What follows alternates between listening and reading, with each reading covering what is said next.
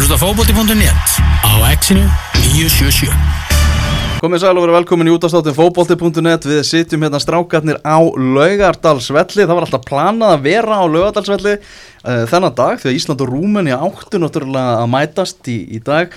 Við ákveðum að halda okkur bara við planið og erum í Laugardalunum Elvar Geir og Tómas Þór heilsa uh, og með okkur í dag. Þau eru góðvinnir okkar eh, Benedikt Bómas Henriksson og Magnús Már Einarsson. Við ætlum að blása í ringborð búin að draga fram ringborð hérna í lögadalunum sem að fannst í einhverju reikmöttu bakkarbergi og við ætlum að taka bolta ringborð sem er einfallega þannig að hver og einn kemur með sitt umræðu efni að borðinu, umræðu efni sem tengjast íslenska boltanum, enska boltanum og svo Evrópu boltanum, en byrja á þeim íslenska. Það er bara þannig, þeir eru búin að hlaða ykkur af umræðu efnum og við ætlum bara að byrja á því að draga það fyrsta fram, Tómas. Það er þú sem átt það. Uh, Fyrsta topic. Verður þetta þjálfaramót? Já, ég fór að, fór að velta það fyrir mér eftir að hérna, hafa verið að fylgjast aðeins með umræðinni kringum hérna, NFL-deildina, núna það sem er í gangi núna. Og alltaf minn maður mm. Tom Brady, ég var að skipta ánlega og var að fara í The Tampa Bay Buccaneers. Uh, hérna uh, það sem hann er núna hérna, í fyrsta sinn uh, með rosalega mikið af, af köllum til að kasta á og svona og ég hef verið djúpur í þessu núna sem að ég er lítið annað að gera þess að þess að dagana. Þar hafa þeir svona myndi vera, vera veltaði fyrir sig sko, þú veist í fyrsta sinn er Tom Brady með fullt af köllum svona til, a, til að kasta á mm. en út af koronavirunni þá eru yngar æfingar núna, akkurat á þessum tímbúti og þessum tím ásins eru fyrstu skipulöðu æfingarnar í NFL-deltinni, svo kallar OTAs Open Training Camp Uh, þannig að þú veist, þá fór ég svona myndið að hugsa sko, þú veist, já ok, þeir sem eru það, það er mikið nýjum þjálfurum í deildinni, mikið nýjum hérna, svona eitthvað svona félagaskiptum sko, og þeir koma miklu verð undirbúinir inn í mótið og það, svona undirbúningur í þessari íþrótt skiptir rosalega miklu máli. Þannig ég er svona ákvað að reyna að, eh, til að reyna að draga eitthvað út úr raskatanamur mm. í, þessari, í þessum pælingum okkar. Svona fór að pæla hversu miklu máli mun þetta skipta í Pepsi Max deildinni í sumar Uh, sko þegar að það hún verður flautuð á ég meðan þú veist það er alltaf búið að rífa bara í handbröðsuna það er allir hættir að æfa. Ég ætla ekki að segja að allt sem hafi gerst í vetur sé farið fórgörðum, þvert á móti en einhverja síður, þú veist, minna Rúna Páll saði nú bara við okkur hérna síðast að þetta hefur mjög drastist áhrif. Uh, þegar, að, hérna, þegar og vonandi þetta verður flautuð aftur á fá liðin þrjár til fjóra vikur vantilega til að endur ræsa og þá verða leikmenni í, mismjöndi ásökumulagi það er, miklu, veist, það er ekki jafn mikið sem að þjálfur að geta komið til, til skila hvað var að taktík og, og leikfræði og menn þurfa svolítið svona að snýða þessi stakk eftir vexti. Það er náttúrulega verður klálega munur um milli manna. Þú ert að menna það svona faktorinn að bara keira upp stemminguna, nei, búa nei, nei, til viðselt muni skipta meira máli núna Nei, ekki, nei alls ekki, bara okay. hérna, vera bara reyndari í, í þjálfara bransanum, hafa bara upplifa meira, séð meira ah. uh, þú veist, náttúrulega skiptir auðvitað máli með hvaða liðu ert með, en þú veist þá fór ég með að hugsa skiluru Óli Jó í, í stjörninni veist, með, við erum alltaf búin að tala um hvað hérna, lengi tala um hvað þetta er orðið svona þreytt á stjörninni veist, en munum þetta snúast upp í angurðu sína og vera gott fyrir það núna af þýru með svona svo rótgróðan hóp af þýru með svo skýrar hugmyndir og að fá ref þú veist eins og, eins og Ólast hérna Jóinn. Uh, þú veist með FH með líka svona þú veist nokkuð, nokkuð þéttan kjarna og Óla Kristjáns. Þú veist er þetta gott fyrir þá? Rúnar Kristjáns með bara nána samanliðið og hvað hann er góðu þjálfari og mm. bara mjög mótaða hugmyndufræði versus til dæmis, skilur við, Káva sem er að reyna að prófa eitthvað nýtt versus Ía sem var, þú veist, búið umturna sínu leiki í, í sumar Brynja Björn á öðru ári hjá Háká Óskar Rapp Þorvaldsson að reyna, sko, gjössanlega umvelta heilu fókbaltafélagi þú veist, eru þá, eru reynsluboltarnir munu þeir koma inn í mótið betur settir heldur en svona ef að segja nýjaskólinn. Hvað segir þjálfvarinn í hópnum, Magnús Már? Ég held að skipti máli líka í að liðin er að missa, hvað hefur að segja 5-6 leiki fyrir mót sem ég hefði fengið frá klára lengjubikarinn og 40 days of friendlies þinn upp á slástími Emitt, sem voru enda 50 days of friendlies. Já, þurkaður út, veist, það er ekki meistara meistarna, það er ekki, liðin að missa æfingaferðir, það sem er alltaf að fara mikið í í hérna alls konar taktík Nei, taktík, taktík, já, taktík og, og, og taktík og hlutu annað og, og þú veist, þessi tím bara hverfur mm -hmm. það er bara allir heima á sér og hlaupa og gera burpees þannig að hérna, það er það er hérna, þetta maður klálega á áhrif og, og eins og segir, þeir sem eru kannski með fastmótaður hugmyndur og komin lengra og bara kannski minni breytingar á milli ára, þeir eru klálega græða á sig Væri breyðablík í betri stöðu núna með Ágúst Gilvarsson og Óskar Þorvaldsson út af ástandinu? Nei, sko, þe- þeir eru samt búin að taka úst, þeir búin að ganga vel með meitur Ja, algjörlega. Það sem Óskar er búin að vera að koma með inn er búin að ganga vel En ég held að hann blóti alveg núna að hafa ekki þess að tvo mánu rétt fyrir mót til, til að fínbúsa þetta. Mhm.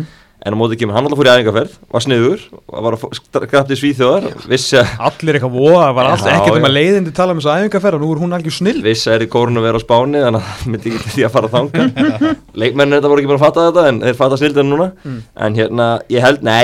það Blikanir eh, eru búin að Dilla sig vel í og, og, en, en það er eitt- eitt- þetta finnpús sem að vantar rétt fyrir mót. Og það er spurning líka hvað tími verður langur fyrir mót. Verður þetta þrjárvíkur sem er liðin fá? Verður þetta fjóra vikur? Það verður vantilega aldrei minni en þrjárúkur Nei. og Rúna Páll var að heimta fjóra að Þetta það. verður bara annað að og Ó- galið. Óli Kristjáns sagði það sama í gær þannig að það veldur líka náttúrulega því hvað, hvað liðin á að gera á þeim tíma veist, það verður að venda einhver æfingarleiki sem hefur spilaði þá og, og annað en, en það er ekki langu tími til að klára undirbúinu fyrir mót. Þegar við byggust við að fá tvo mánu, tvo hálfa mánu Liðið sem er mest svona í mesta röklinu út af þessu fylgir Já, nýjir þjálfarar og ætla að breyta eitthvað til. Ía líka Í, í já, já, ég myndi segja að þessi tvö liði væri í svona í, í mesta baslinu, hvað var að hvort að þetta? Jói Kalli þurfa að bakka eins með að fara alltaf að spila meiri fótbolta eitthvað? Já, þú veist, þeir eru samt eins og með talandum blikana, þeir eru búin að gera góða hluti með er bólta á og hérna maður búin að sjá uh, út af hérna IATV mikið af þeim í, í vetur og mörkis þeirra að vera að skora hafa verið bara nokkuð góð og þetta hefur gengið ágætlega hjá þeim, sko. Menn gleymi ekki ykkur á nokkrum vikum ekki, þannig að Nei, nei, og En svo síðan náttúrulega snýst þetta líka um, um formskilur já. Þú veist, ég meina, þú kannski búin að æfi ykkur að sex mánuði og síðan, hérna, þú veist, skiptir engum máli, það er allt annað að mæta á, þú veist, regular styrtaræfingar, regular æfingar, skilur, hva, veist, heldur hann að vera bara eitthvað heima, sama hversu samvinsku ert. Já, já. Ég meina, þú veist, við horfum nú þig, skilur, meina, við vorum í pupnum og stónum hlaupandi í, í Rúslandi, sko. Já, já. En það breytir engum máli, þú komst í hörmölu standi heim, Já, sko. já, það er alveg rétt veist, það, það skipti, en þess vegna er líka skiptir máli hvort að verði þrjár viku, fjóra viku munar hverja viku í síðastunleibunning fyrir mót að með náið meiri fótbolta fyrir mót En hvað segir þjálfari með það? Segjum fjóra vikur. Mm. Hvort þetta var að fókusa á fitness eða taktík og getur gert bæði? Það er hægt að, menn, þú getur spila, sko, fyrst og fremst að það fá leiki og þú komast í leik, Já, fá já. leikform Ok. ég veist að fá leiki fyrir liðið ég meina, því að þú ert ekki búin að spila leikmenn er ekki búin að spila í einu hóla mánuð Þá er þetta að segja að við fáum nýtt prísur. Já, þú fæ kannski ekki alveg 40 days og friendlies en ég menna, svo er spurning hvort megi hvað má í þessu, en ég menna ef við lið með að byrja að taka æfingarleiki og hvað er langur tími fyrir mót en þú getur kannski fengið 20 daga friendlies eða eitthvað, Já. 20 days og friendlies Svo er líka vantarlega hérna, allir, uh, allir svona leikmannahópurinn, leikmannahópurinn hlýtur að vera mjög mismunandi, þetta eru 20 strákar. Já, já, og það er kannski einhver sem þurfti að vera í sótkví og var veikur. Nákvæmlega. Og hann, það er kannski 25 dagar síðan að hann var veikur Já, en á meðan annar, var- hann var bara slapp og, og, og hérna Algjör, æði algjörlega sko. Og það skiptir líka máli. Í þessu svo er einn punktur líka eitthvað ætlum nú að bæta kannski við einum tveim leimurnum í vor. Mhm. bæta við púslum í hópina, vantaði eitthvað ákveðna stöðu eitthvað. Það verður mjög þungt núna hjá liðunum og er liðin ekki verið að gera það. Og það breytir líka myndinni. Þú veist, eitthvað lið ætlum kannski er já, við ætlum að bæta við einu leimanni hérna þú veist, sá leimanni kemur ekkert. En Við eigum að henda bara í, í þú veist, ótíma bara spána núna, það er bara káir í efstasæti Þeir ætluðu ekki að fara að bæta við, þeir eru með svo hópin sinn, rútineraðir besta vinna alla þjálfaran leiki. hóp- eh, það er bara þeir fara best út úr þessu myndi ég halda fyrir utan fitnessfaktorinn, skilur, það er eina sem ég mun setja út á, út á þá, sko. Eh, á, þú veist, skilur, á þess að hafa séð hvað hvað er í gangi, eh, en það er um raun og veru einu ágætum minnar og ég myndi segja að fylgir fari svona vest út úr þessu með Ok. sko glæni að þjálfara, sko Mhm. Skulum næst vinda okkur í næsta topic Maggi, þú segir hérna Við verðum að hafa byggarkeppni Sama þó að kosti aukið leikjálag og úslitaleg seint á árinu Já, Af hverju verðum við að hafa byggar? Að því að byggarkemnin er skemmtileg kemni og uh, ég tel að vissulega veldur á því ef, ef það er hægt að byrja í byrjun júni þá er til þetta framkvæmulegt ef það er að byrja í júli þá er þetta orðið erfiðara. Ég skal alveg viðkjöna það. Á ekki byggarkeppnin að vera bara algjörlega afgangsatna Við höfum að klára deildirnar og, og reyna að spila deildirnar meðan veðrið er, er fínt og svona Byggarkeppnin getum haft það bara eftir tímabilið Já ég er að segja þú veist, það verður að vera byggar ég er að segja hún- það má alveg enda eftir tíðabilið ég veist ekkert að því að deildin klárist og svo undan og, und, og úsliti byggar eftir. Mér veist ekkert að því. Veist, ég vil bara að byggarnir fari fram. Að deildin klárist og svo Já. sé undan og úsliti byggarnum eftir það. Já, já. Ég vil bara að það sé byggarkefni að það sé byggarmestara krindi árið 2020 auðvitað verður kannski eitthvað skrýtnar að þá þarf bara að díla við það. Já, ég held að það sé sko orðið skríti sér lungu komið inn í þetta allt saman sko, þannig að ég held að það sé kannski ekki alveg fakturinn sko, þetta snýst náttúrulega vandalega bara um um leita, ég meina þetta er líka þú veist, verða liðin í, verður fórkjafni í Evrópu og mestradeldirar, þú veist, hvar, koma þeir veist, verður þetta bara framkvæmulegt, ég meina Birki Sveinsson er náttúrulega sko Hann er að fara vest út úr Já, hann er, hann er klálega að við farum í winners og losers í kórónu þá er Birgir Sveinsson að tapa. Það er alveg nokkuð ljós Ég ringi að nýsta á hverjum degi. Já, jésús En ef að mjölkubyggarinn verður bara bósbyggarinn bara tökum bara byggarinn í raunu bara eftir sísón Það er sem ég, ég, vil að sé Vá, Ég vil að sé Ég vil Já, að sé þú veist, Ég vil að sé Jesús, byggar Því að sko Ok, það- er það betra að sleppa þið, myndur þú segja? Bara sleppa byggarinn Heldur en, heldur en taka sem turneringu Já. Já, það finnst mér. En Ég, ég hrifnar að maga pæling og reyna að tróðu sinna okkur leikta. Þetta reynir maður En, en það fer náttúrulega líka eftir bara hversu mó, langt mótið verður veist, ef það verður hvort sem er fimm mánuður við að spila júli í nóvember eða hvað er það fimm mánuður? Nei, fjóri, eða whatever. En ef, ef að byggarinn verður spilað, er ekki mikil hætt á því að bara stóru félagin bara gjössamlega slauf honum núna? Ég, Eða færi bara ennþá meira power í hann Styrsta leiðin í Európu Það fyrir náttúrulega eftir bara hvort það verður Evrópukeppni eða ekki, það er, svona, það er líka svona stór faktor í þessu sko. Þú veist, fáum við að fljúa Mér finnst að byggarinn er algjörlega að býða afgangs. Þess vegna Ég- bara Já, ég held ég held þessum alveg sammála því sko hann býði afgangs, við þurfum að vita hversu margir dagar verður hægt, hversu marga daga verður hægt að spila fótbolta í sumar, hvernig við getum raða Pepsi Max deildinni niður? Síðan koma Európuleikirnir inn. Þú veist, það verður, þeir verða að vera undan myndi ég halda bara út af, bara tekjugrunni félagina skilur við, þú veist að nógu er nú, hann er nú nógu hart í ári og síðan þá third choice er skilur að reyna að koma byggarnir fyrir, að sjálfsög ég alveg sammála makka að það leiðilegt að bara byggarinn dettu niður og ég vil ekki sjá hann í einhverju sko reikup turneringu í desember.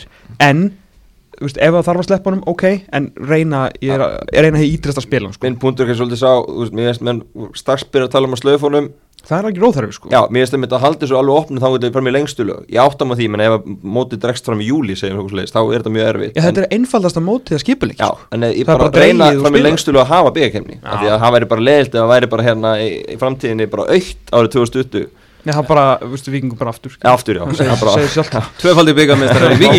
það Algjörlega. Eftir að hafa gjunnið þetta síðan 1971 og vikingar þetta tvö ári í röð Já, herra, ég ætla að koma með næsta topic og það er svona mun kórónuverur faraldurinn gera það verkum að fleiri íslenskir atunum en erlendis halda heim? Og þá er ég að hugsa um þú veist, atunumennina sem er kannski að spila í Skandinavi jafnvel í Austur-Evrópu, ég sá hérna viðtalið við Bötta Löpp í hérna, sportið í dag, þar sem hann er bara einn í einangrun, einhvern veginn meðan ástandið er svona í heiminum.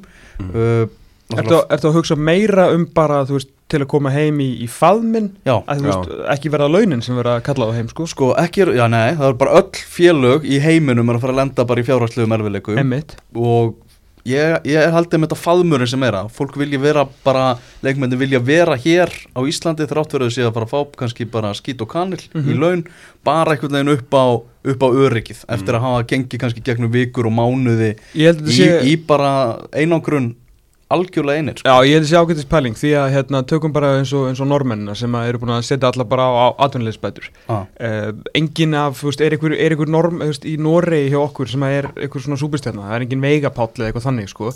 Uh, þetta er svona, þú veist, álasumstrákarnir skilur til, til dæmis.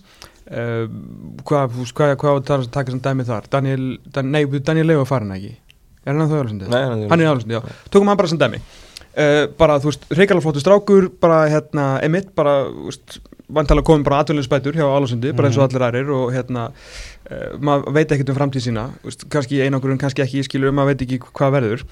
Uh, svona, þú veist, þrátt fyrir að fjárhægur félagana sé verður mjög þungur og erfiður að þá er ennþá fullt, fullt af fólki á Íslandi sem á peninga, sko og ef að ég er hérna, þú veist, bara á vísi í Grindavík, við, eða bara okkur um bát og ég bara sé með leika borðið bara, herra, okkur tök ekki bara Daniel og heimi í einn kassu, þú veist, ég meina, hann fær mei, þú veist, þannig að við getum það eru einstaklingar sem geta borgað fyrir svona leikmenn mm -hmm. eða kannski einhverju hópar. Þannig að ég get alveg séð þetta gerast. Náttúrulega A, bara vilja að komast heim í staðan fyrir að vera einhverju bulli veist, í, í Nóri eða Svíþjóð hvað sem er og að það þrátt fyrir að félögin sem slík mun ekki eiga, eiga tekjur þá er alltaf einhverju gæjar sem eru tilbúin að taka menn heim menna, þú veist, Arnur Ingvið, Keflavíkur eða eitthvað, veist, bara, veist, kannski soldið drastist dæmi, sko þannig að ég get alveg séð þetta gerast, bara alveg 100% sko. Svo veit maður ekki líka, þú veist, hversu lengi þetta ástand verður og hvenær fólk verður byrjað aftur að fljúa bara um allan heim og, Mhm. og, og allt það, sko. Einmitt. Þannig að fólk vilja bara vera hérna í- Ferðarþosti heimsins er nú ekki, hann er ekki hæstu hefðum sko Já, þannig að við getum fengið fleiri stjörnir, bara með bara saman um það í Pepsi Max teltina í, í sumar. Eða hvernig sem það voru spiluð? Já, ekki kannski sumar ég, í haust. Já, þú veist, kannski fyrir, fyrir næstu leikt síðan eitthvað Ég veit að, já, kannski bara strax í sumar Já, Já, svolítið kannski ef félag alltaf fara að byggja ykkur um að taka á sig launalækkanir að svo komi gauður á utan. Já, ég held að Það það- skýtur það svolítið gæti- gæti skökku orðið við sko. Mjög, mjög Já, ég er að tala um að þeir komi Þeir bara komi bara til að í koma. sko. Já, já, Já, já, Þeir koma bara til að koma Ég rauninni bara til að geta farið í mat til Þeir eru er ekki að fá kannski peningin úti sem þeir hefðu fengið og munurinn kannski ekki svo mikill á því að, að búa bara hér. Nei, einmitt, og Ef, ef að allir eru að fara að missa sína samninga og þú veist, það er, það er væntalega þannig að samningar verða endur skoðaðir og fleira og fleira þá, þá hérna, hvort er betra að vera þá bara, þú veist, fá ekki allir bílalegu bíl og eitthvað svona frá félögunum? Við eigum fullt að leikmunum alla Skandinavi sem eru bara meðal miðlungsmenn stundum á bekknum, stundum að detta inn Mhm, sem getur verið bara að vera luxus Pepsi leikmenn og, og vantilega að nota sína aðeins betur hér sko Já, eitt skrif aftur og bak til að taka tvö áfram og allt það. Alveg, sko. Já. Benni, þú ert með, með næsta hvaða tveir leikmenn ættu að fronta Pepsi Max deildina Þú ert að hugsa núna að það verður bara sett að stað Já, ég- auglýsingaherferð Já, ég, eh, sko, þetta var í aðgerðapakka ríkisins þá ætlaði að eigða einum og hálfu miljardi til að auglýsa Ísland á ný þegar allt verður uh, liðið. Uh, ég fór bara að hugsa uh, ef að KSI og, og fleiri fara í, í, hérna, í markasherferð bara fyrsta, ég veit ekki, fyrsta júni segjum það bara. Mhm. að hérna, hverjir ættu að vera uh, svona plakatstrengirnir og plakatsstúlkurnar og það er nú ekki um auðuan Garða Gresja verði að viðkynna sem fyrir um slúðublaðamaður og, og hérna bara almennur áhuga maður um hvað fólk er að gera í lífinu.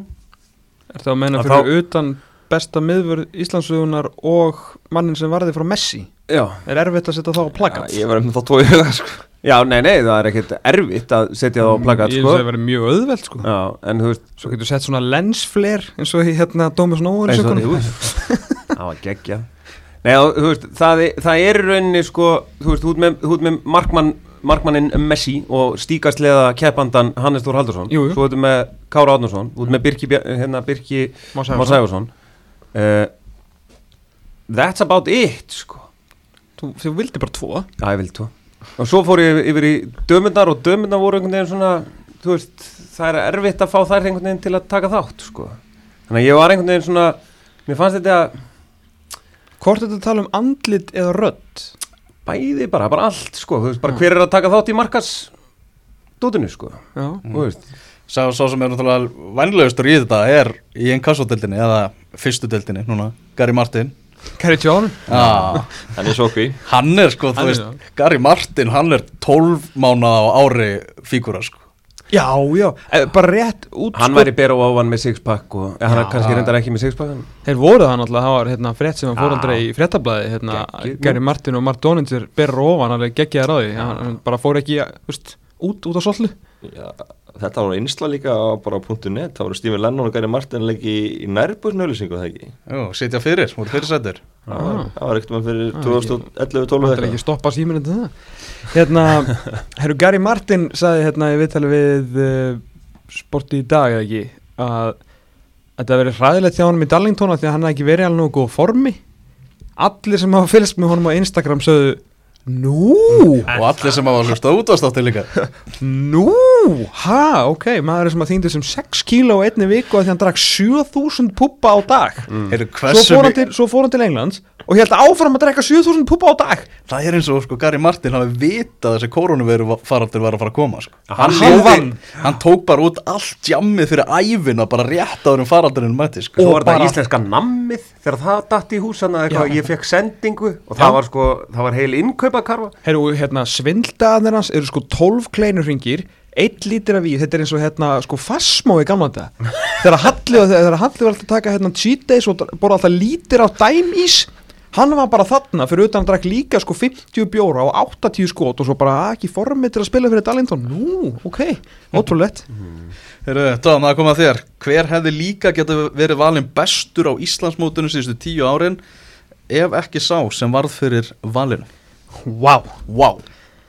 Her, þetta, þetta getur tekið smá stund sko? Þetta var metnaða fylgsta prógramið sko. Sko þetta er eiginlega sér pot sko. En já, hérna þetta er mega mikið Nei, bara er að hafa þetta fram með hverja voru valdi bestir á þessum árum? Já, Svo það sé alltaf henni Herra, ok, á ég byrja á, þetta er sérst, byrja á 2010 og fara mig upp eða vil ég byrja í nútíðin og fara tilbaka?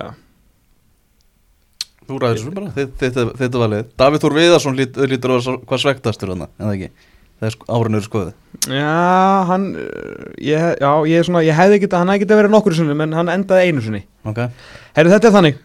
Er þetta klárir það? Mhm. Uh, 2010, Alfred Finnbóðsson Valinn bestur. Og, og var líka lán Já, já, já, þetta er bara, þú veist, eins og við höfum oft sagt líklega bara mesti MVP í, í sögunni. Herru, ég sé með 3, 2 og 1 svona þá sem að hefði getað komið til greina líka.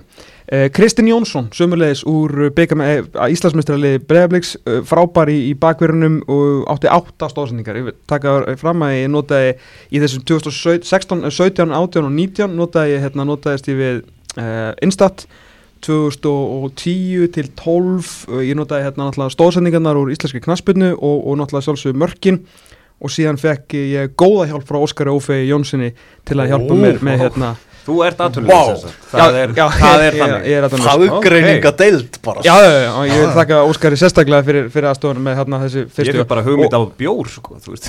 og svo er þetta líka, svo náttúrulega líka hérna, er þetta svolítið bara minnið þannig að það getur, fólk getur eflust orðið mjög reitt. En þetta er allavega til gammaskert. Herru Kristinn Steindórsson er, eh, var hérna sko, það eru náttúrulega þeir voru allir úslega góðir. Gumi Kristjáns og allir þessi gæðin mm. Kristinn Steindórsson á eftir Alfa Finnbóðsson 12 marka maður og var algjör vel þetta tímbil og var gjössalega stórkostlugur en ef að, gleymið því ekki að Breiðablík vann þetta á markatölu þannig ef að þeir hefði ekki klárað þetta uh, og Inga Kalli ekki varið þetta hérna, fyndna skot hérna í Garðabænum og FO hefði mögulega klárað þetta og ef, við ekki, ef, veist, ef að menn hefur verið saminast um að, Breiðablíksliði hefur verið svo mikið heild þá er oft hort í næstbesta lið þá hefði allir við að Björnsson tekið þetta Ok 14 marka maður og guldskór þetta tímabil Mhm. Herru 2011, Hannes Þór Halldórsson valin bestur í mestrarliði K.R. Það hefði geta verið nummið þrjú Garðar Jóhansson, 15 marka maður í stöðnin, hans besta tímabil held ég bara í efstu deilt Mm.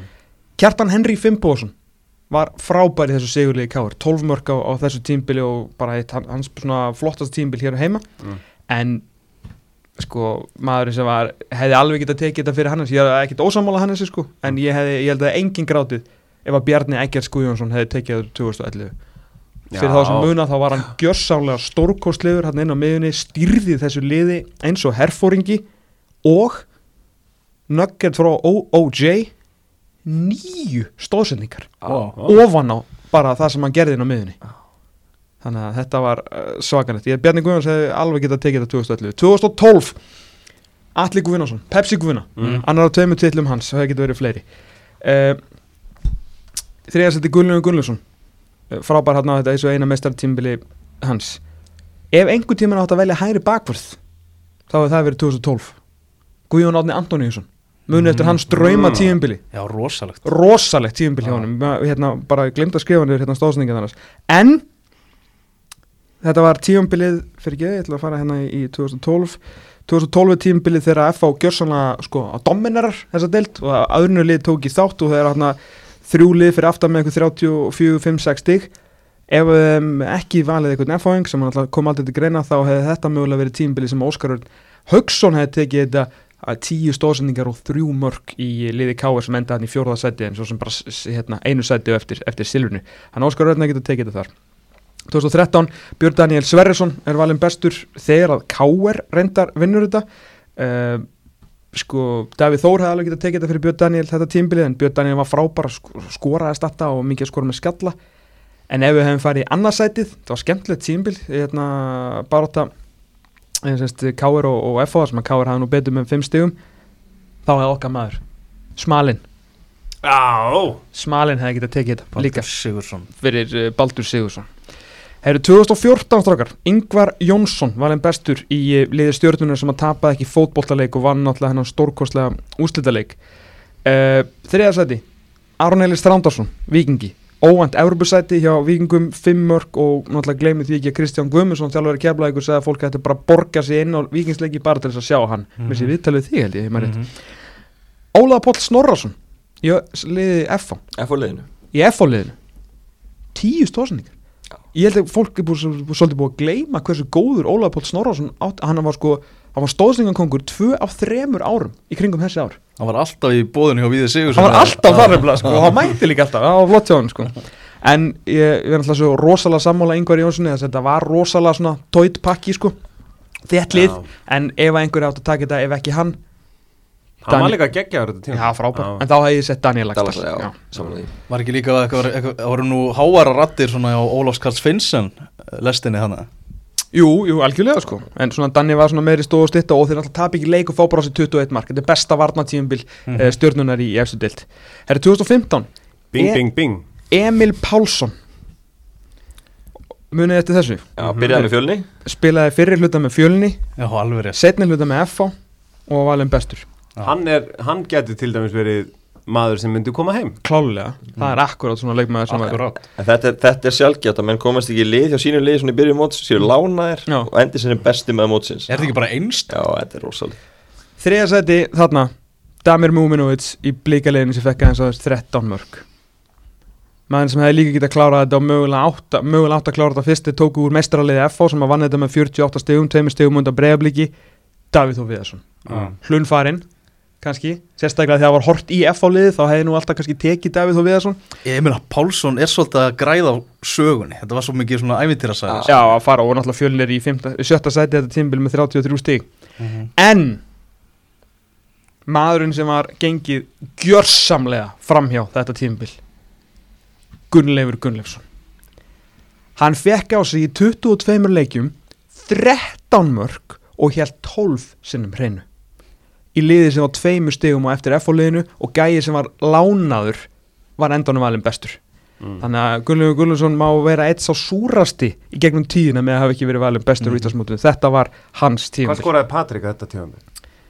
Veistu? Uh, já, öruglega Hann skoraði 13 mörg Já.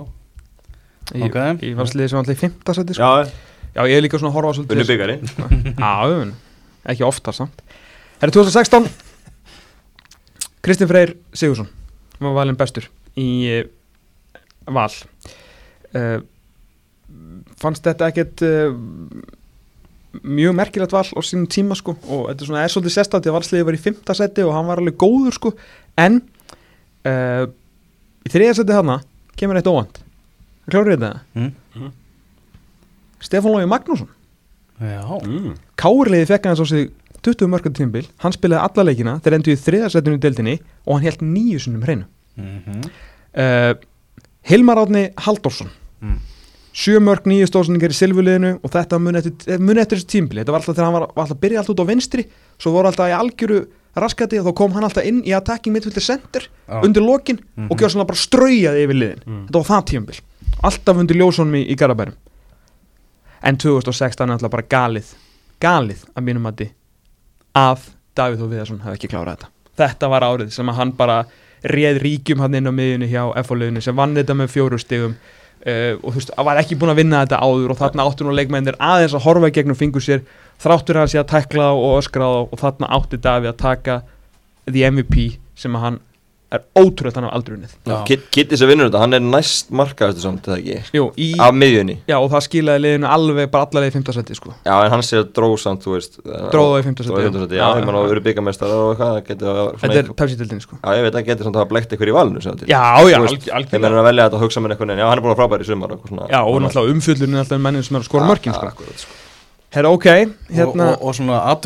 já, Þau eru meira, alltaf út til síðu sko þau eru meira í umræðinu heldur en svona Davíð Þór sem er þarna komin á sín efri ár sko. algjörlega, algjörlega herra, 2017, Andri Rúnar Bjarnason uh, í uh, Grindavík uh, bætir jafnar markametið í Grindavíkuliði sem endar í, í 5. sæti það var enda þremur á síðustu fjóra leikjunum en hann var náttúrulega algjörlega stórkostlegur og kannski erfitt að vera eitthvað ósammála þessu tvö eru röð, maður sem er í 5. sæti sem er valin bestur en þessi er enda jafnaði markametið herruðum, ég er með fjóra hana sem kom til greina Já. þetta var, þetta var, var svona skrítið tímbil sko. 2017 ha, já, 2017 sko.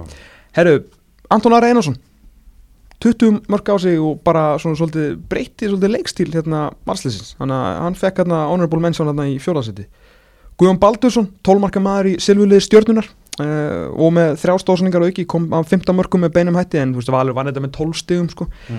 Hallgrimur Mar Steingrínsson kom að 15 mörgum með beinum hætti 7 mörg 8 stóðsningar en í káaliði sem endar í, í 7. seti en það skilaði nú ekki miklu en þarna hefði, ef að Andri Rúnar hefði ekki jafna markametið þá hefði þetta verið tímabil sem að Haugubáll Sigursson hefði orðið bestur þetta var hans, þetta var hans Davíð Þórs tímabil Mhm. þar sem hann bara stóð inn á miðunni eins og sko brimbrjótur fyrir utan að þetta var svona hans besta fótbolta tíumbil sko hann var svona, tók mikið þátt í uppspilinu og var ógæslega flottur og þetta var þarna átti Haugupálla að taka þetta ef að náttúrulega einn Andi Rúnar hefði ekki hægt að bóla pítsur og jafna markametið sko. Valur endaði með 50 stið þetta tíumbil og, og hérna, það fjalleila allt í skuggan á andrarunari Já, það algjörlega. var bara einhvern veginn hvernig er alltaf hann að bæta þetta með það var ekki að tala um að Valur væri að rúli við Nei, nei, það var náttúrulega býtið því í lokaðverðinni Já, Herðu, 2018, það er bara í hitti fyrir Patrik Pedersen, valin bestur. Mm. uh, ég held að sé uh, alveg hægt að vera hægt að vera sammóla því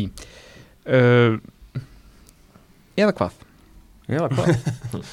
Fylgist þú nú vel með? Já, Gulli Gull, Mm. fær menn svona það. Fekk á svo 17 mörk, held nýju svonum reynu í Silvulegi Breiðablík sem var tveimur stegum og eftir val. Kristinn Freyr Sigursson mögulega með betra tímbil heldur en það var ekki valin bestur. 6 mörk, Já, 10 stóðsendingar komið á 16 mörkum beinum hætti í meistara liðinu Mhm. já hann var mjög góður þarna. En besti leikmaður Íslandsmótsins 2018 var Hilmar Átni Halldórsson. Það er ekkit mörgum blöðum um það að fletta. 16 mörg, 6 stóðsendingar, uh, 7 hjálparsendingar ofan á það sem þýðir að Hilmar Átni kom með beinum e og eða óbeinum hætti að 30 mörgum af 45 sem að stjarnan skoraði um tímbil það er rosalega í liði sem að náði Evropasæti og þarna vorum við alveg búin að vera að horfa niður fyrir glemði því ekki að það er tvö röður menn sem er að kostnir í, í fimmtasætis liði skilur þannig að eh, Já. þetta eru auðvitað upplýsingar sem kannski leikminn er ekkert að horfa og þeir eru meira bara svona þú veist shit hvað Patrik Pedersen er góður og hann var þetta ekki tímabil, ó sko. í ó og fá svona lista. Nei, en þess vegna er ég hér sko til að, Eh, Einn leikmann sem ég finnst vanta á top 3 listan hefur þannig 2018? Eður Áron Sigurbjörnsson já hann var hann ég tók hann út. Já, tók hann út. En hann var, ég er alveg samanlega og sko punktur mér var Eyður Aron. Eyður Aron gjörsanlega geggjaður, skjástrík Rússland að hann var svo góður að það var bara verið að tala um Já, að hann var já, leiðinni frá. Pepsi til Rússlands. Já, hann var í, hérna Katarhópin eftir þetta og, ég skal bara bæta hann með það við fyrir ekki. Eyður Aron. Flottir, þetta er lifandi, lifandi Já, sláðar Herru, svo bara í fyrra, Óskar Örn Hauksson valin bestur komið tími til, uh, menn sem að komið til greina sjálfsögðu Hilmar Átni Halldórsson aftur 13 mörg, 6, 6 dósningar en skilaði ekki einu svona Európusæti, Tómas Mikkelsen 13 marka maður í, í, í Silvulegi Breiðablíks, þetta var svona það var, það var, það var akkurat árið til að velja Óskar Rapp menn voru ekkit eitthvað, þetta var skemmtilegt mót Óskar en, Örn. Já, hvað segir, Óskar Hrafn, hann vann ekki. Hann var ekki valin bestur. Já, hann, taklaði eins og sífórindar en ef ekki Óskar Örn Hauksson þá hefði ég bara hendið svo Pálmar Pálmarsson. Já, Mm. bara, þú veist, áttamarka maður og, og var svona bara, svona, svolítið leiðtóin í þessu, í þessu káliði, sko. Þannig að já, þetta var svona mitt, mitt innlegg í, í þessu umræðu. Þess að geta verið svektastir þar uh, Hilmar Átni og, og Davíð Viðarsson. Og gulli gull. og Gulli Gull. Og Haukur Páll. Nei. Nei, nei. Nei. En þetta var virkilega, virkilega skemmtileg yfirferð frá þér Tómas. Uh, Maggi, þú ert með næsta tekjana Mótið í sumar er frábær próstett fyrir fjölgun leikjapælinguna. Þetta spila þjættar en gert hefur verið sérstaklega í neðri deildum Já, nú ætla var mikil umræða í, í janúar og februar að hérna, fjölga leikjum og hvernig þetta gera það, hvort þetta færi þreifaldu umferði að fjölga liðum í deildunum annað. Og hérna er borðið sittunum maður sem er í, í nefndinni Starfsónum. starfhónum og er að fara yfir þetta allt saman. Og núna alltaf bara Birkir móðustöri með hendur bundnar, hann þarf að þétta prógramið og hérna, spila mögulega eitthvað lengra um í hausti. Og það verður svolítið áhægt að sjá bara hvernig það gengur hvernig fótboltin verður, hvernig áhugin á deildinu verður og, og annað. Og, og ég held að það verður mjög, mjög spennandi. En þetta ég held að mun til dæmi sína að það er ekkert mál að fjölga liðum í, í nærdeildunum. Mm. Lið þar er að spila með til bara einu sinni í viku náttúrulega allt sumarið, kemur ykkur ein periódi í júli held ég sem eru tvei leikir í viku og annars er þetta bara einn leikur á viku. Það var alltaf svona, ha, er einn kasso í dag? Já, já, nákvæmlega. Þetta er bara alltaf um helgar og þú veist 15. fyrsta lögadag er leikur og, en svo þessi einu sinni sem er pila á þriðuti og það er í Ég er algjörlega saman á því að þetta er flottu próstett fyrir sko leikjaprógrami og hvernig er að setja það upp.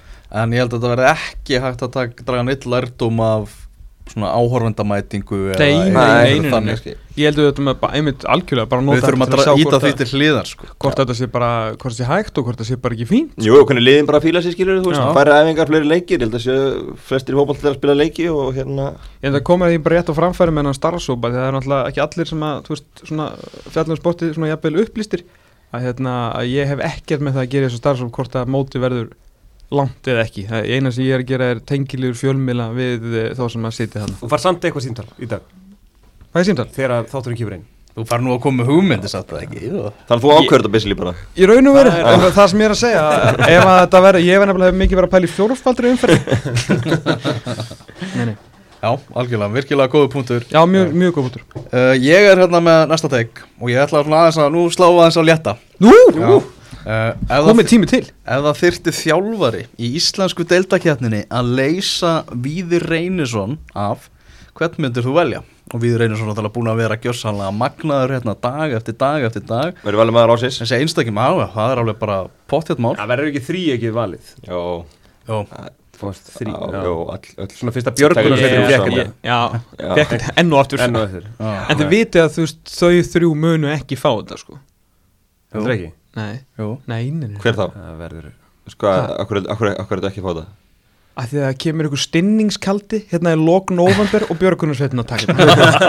Á loka sprettinum Á loka sprettinum sko Já. En, En- þjálfari, En ef það ætti að vera bara þjálfari sem er að tala til íslensku þjóðarinnar á hverjum degi klukkan tvö sem hluti af þessu þrýjegi hvaða, hvaða þjálfara myndið þið velja? Já, það, hann náttúrulega sko eins og Víðir Einarsson bent í myndavelunum daginn og sagði við skulum taka okkur veiru frían klukkutíma ekki tala um veiruna milli 8 og 9 góða skemmtun verið sæl Já, Og og, og, tveimur dögum síðar, þetta er góð punktur sko Og tveimur dögum síðar, þá skamma þjóðara eins og hund Já. Já. Og þetta er einhvern veginn, þetta er svona maður sem þú þarft að taka rosalega mikið mark á sko og sem get, getur talað frá hjartanu En og þú þú, þarft- trúir honum. Já, en þú, hann þarf samt að ná tegðin sko. að, Já, Hann þarf að En haldi, haldi, haldi jákvæðanina Já, en samt verð og þú veist koma reynd fram. Já.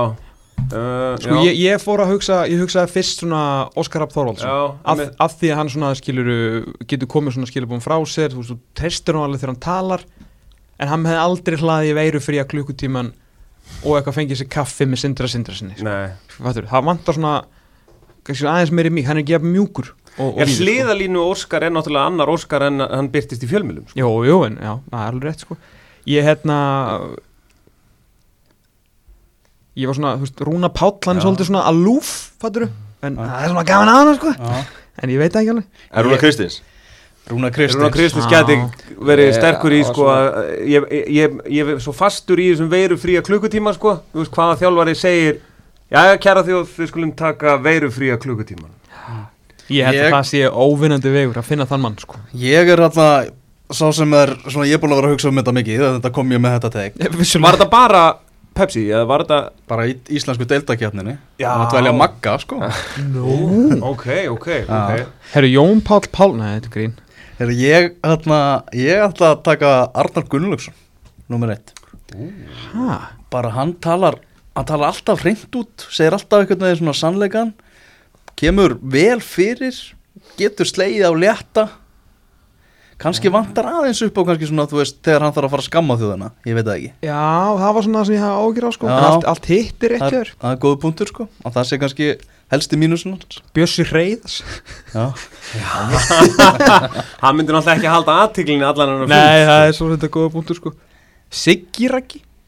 Ú, Þú veist, Það er hann er alveg mentaður í svona Skilur við það er gott sjátt Ég held að það er svo sjátt sko. Já. Það er alveg mjög hrifin að já. Því Sko heimir og túfa. Fikk hann aðstofar, fikk hann að dúfa með sér Já, það er ekki. Er, já, ég, ætla, ég ætla að halda mig Ég ætla að segja bara Ég, ég segja bara Óskar Hrafn. ég segi Arnar. Er Rúna Kristins? Ég er heimir, heimir Guðjóns. Bara Heimir Guðjóns, Valur Heyrðu, þá erum við búin að ljúka íslenska hlutanum íslensku viðfangsefnin, þá ætlum við að vinda okkur yfir til Englands og uh, þar er þú næstur á dagskráni, Tómas á að spila Aston Villa Sheffield United og slaufa svo mótinu Hvað ert að tala um þarna, Tóm? Sko, ég veit að þú ert að vinna í sumar að deildin heldur áfram Já. Það verður bara að vera þannig, Leopold þarf að taka sko. Því miður, þú er bara ekkert sumarfrí á þér Þú er bara að vera að lýsa ykkur leikjum. Þetta er þitt sumafrí Já, þú veist, Sko, Bara Aston Fastur Villa Sheffield. United þetta er eini leikunum sem er eftir í Premier League. Þessi deild verður náttúrulega ekki spiluð í sumar sko. Það sem er að fara að gerast er að þetta enda með því að þetta verður spilað einhvern tímann í september einhverja fyrstu áttafumfjörðin og svo gert eitthvað hlið Þú veist, ég bara ástandið í Breitlandi er hræðilegt Vistu meina að Boris hafi verið að klikka eitthvað? Ég vil meina að hann hafi aðeins verið að klikka og reynda bara breska þjóðin sem að virðist náttúrulega vera bara sko, stjörnu rugglu sko. uh, daginn eftir sko fyrra samkominnbannið þá voru allir garðar fullir þar sem að fólk var sko bert og ofan að gera æfingar og hitt og þetta í, í skrúusleik og famlögum sko og var alveg ástæðan fyrir því að sko ekki, ekki smitin fóru upp heldur döðsföllin fóru upp það eru, þeir eru náttúrulega að keppast við að drepa sig þarna í Breitlandi sko. Sáuð í fréttunum í gerð, það var bara að sína úr einhverjum almenningskarði, svo var bara lögregla með gjallarhótt og bara Go home, it's not holiday. Bara svo breytir að við haldið að sé bara allt eru komið, komið bara frí. Það er eitthvað gaman að því að hemmi reyða sig hérna í ennsku löggunni It's not holiday.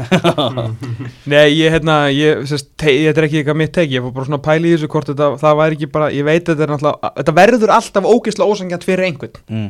Þetta verður ósangjant, ef þetta er gest, sko, ég sé ekki þannig stuðin, það verður náttúrulega að spila uh, Sheffield United Aston Villa. Bara upp á fall og, og hérna, uh, og mögulega Champions League, sko. Mm. Þannig að uh, veist, ég, já, ég, ég veit ekki eiginlega alveg sjálfur sko hvort þetta gera þetta en veist, ég held að menn þurfa svolítið að átta sig á því. Ef að segja að þegar að menn vita að þetta er ekki að fara að byrja í júni og möguleg ekki í júli að þá verður bara að spila þennan leik og bara búið. Tímanbilið stjórnmert því miður sjáumst í ágúst. Já. Ertu með einhver önnur rök en þú vilt að Liverpool vinni þetta? Nei, svo sem ekki sko ég, ég, veist, Þetta er alltaf vesla hvernig deginum ég, ég var með, út í þessu lesið mitt ég alltaf, sem ég vildi sjá Já, Maggi segir hann, það er hægt að spila fyrir luktum dyrum í mæ, júni, dreifa leikjunum, hafa allt í TV, spila fram í júli ef þarf. Byrja næsta mót síðar og sleppa deildabyggar og endur teknuleikjum í FA Cup. Úst, það er pæling sko, Mm. mánuðin er kannski, jú, getur satt það bara í þessan júli, ágúst, september, þú segir, klára þetta tímabil, Mhm. hvernig sem það er og spila fyrir luktundyrum til að og, hérna, og hafa þetta bara allt í sjónvarpinu og, og dreifa þannig að fólk hafi eitthvað, verði heima að horfa Mm -hmm. loka púbónum, þannig að það verða að vera heima að horfa og ekki að smita fólk annars staðar Úst, ég veit ekki, en, en auðvitað úst, það þarf að fullt af starfsfólki sem fylgir liðunum, það er, þarf að hafa gæslu, nei, hérna sjúkra, flundingamenn og annað, hvort að þeir séu til taks örleiki, af því að það verður náttúrulega nóg að gera í öðru, þannig að Það þetta er er líka erfitt að bera mennin út af ef þau eru meiðast það er náttúrulega að halda tveikjumildarreglunni nákvæmlega- Mitt tek, hættir leikaraskapur í fótboltanum þá núna? Það er- er enginn til að bera það út af sko Já, meinar. Er svo með öllu Já. En það eru er svo margir þættir eins og þú veist það þarf að vera sjúkraflutningafólk og sjúkrafólk til staðar til að vinna á leikjunum. Já, og, og, og eins og við erum að tala um og, og svo líka hvað gerist ef að, að vera byrja að leika fyrir luktundyrum og allir bari lokaðir og eitthvað og svo er bara þú veist Manchester United að, að spila móti Leicester eða eitthvað og svo hérna eftir leik kemur í ljós að Harry Maguire er með COVID Einmitt, þá þarf að hætta Erum við- mótinu aftur. Erum, erum við, förum við þá aftur á byrjunarreit?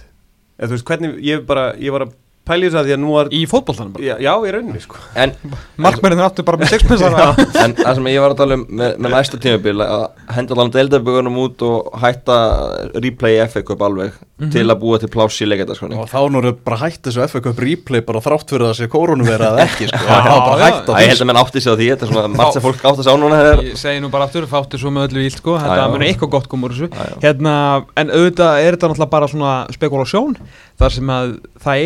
að ákveða raskat í bala Fyrir að menn vita svona allavega sirkabát Hvena mögulega kannski þetta fyrir að stað sko. Og þá þarf að fara að taka ákverðinni sko. Fósett ítalska knastbyrnusambandi sagði að við getum bara spilað í júli og ágúst það er búið að slaufa olimpíuleikunum og, og EM allstaðar Mhm. og, og öllu því Mhm. hann sagði bara, ég líti á þannig að við séum að tapa ef við erum ekki að klára mótið Mhm. og ég bara get ekki játa með sigraða núna þannig að hann er ákveðin í því að klára mótið á Ítali Já, Þetta er líka fjárhagslega sjónvarsamningurinn vá Þetta er rosalega ef þau klára ekki tímabilið, ekki? Jú, ég er enda komst að því sko að premi líka kom með allan pinningin sko. Þeir sitja á hann Já, ok, þau eru ekki að skila.